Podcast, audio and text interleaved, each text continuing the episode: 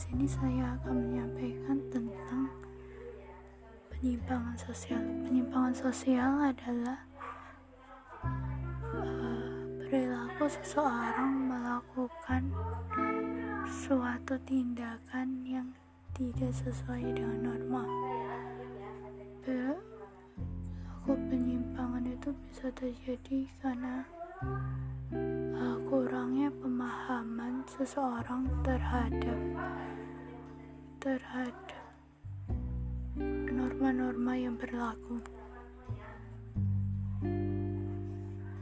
Jadi uh,